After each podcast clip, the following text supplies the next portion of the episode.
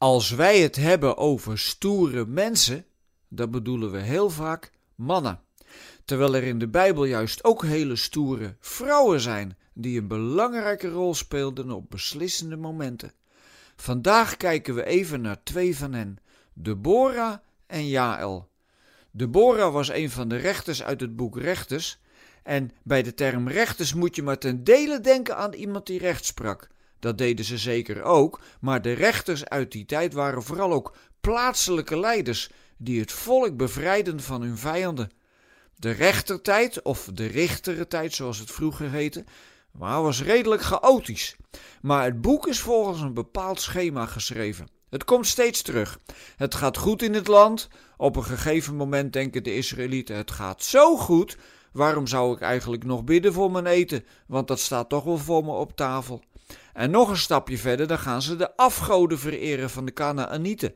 En vervolgens gaat het fout. God stuurt vijanden die het volk onderdrukken.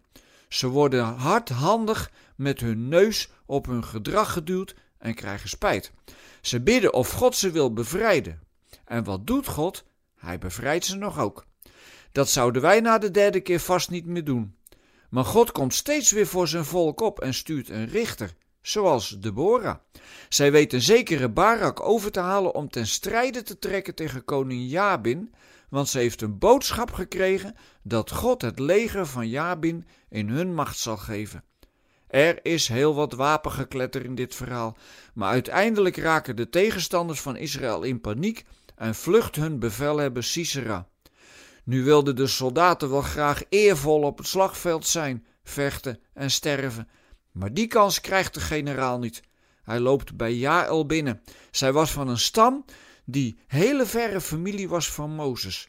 Jaël is heel slim, doet heel nederig, maar uiteindelijk doodt ze Sisera in zijn slaap door een tentpin door zijn hoofd te hameren. Een gruwelijk verhaal, maar wel een heldendaad van Jaël.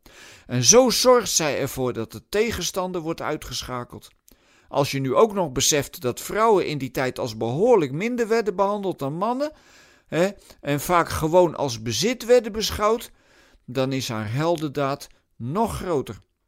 Het zou interessant zijn om te onderzoeken hoeveel invloed vrouwen hebben gehad op de loop van de wereldgeschiedenis. Dat was dan meestal niet op de voorgrond. Nee, dat waren die stoere mannetjes met hun grote woorden. Maar als je bijvoorbeeld denkt aan Caesar en zijn relatie met Cleopatra, dan kun je je afvragen wie nu eigenlijk wat regeerde.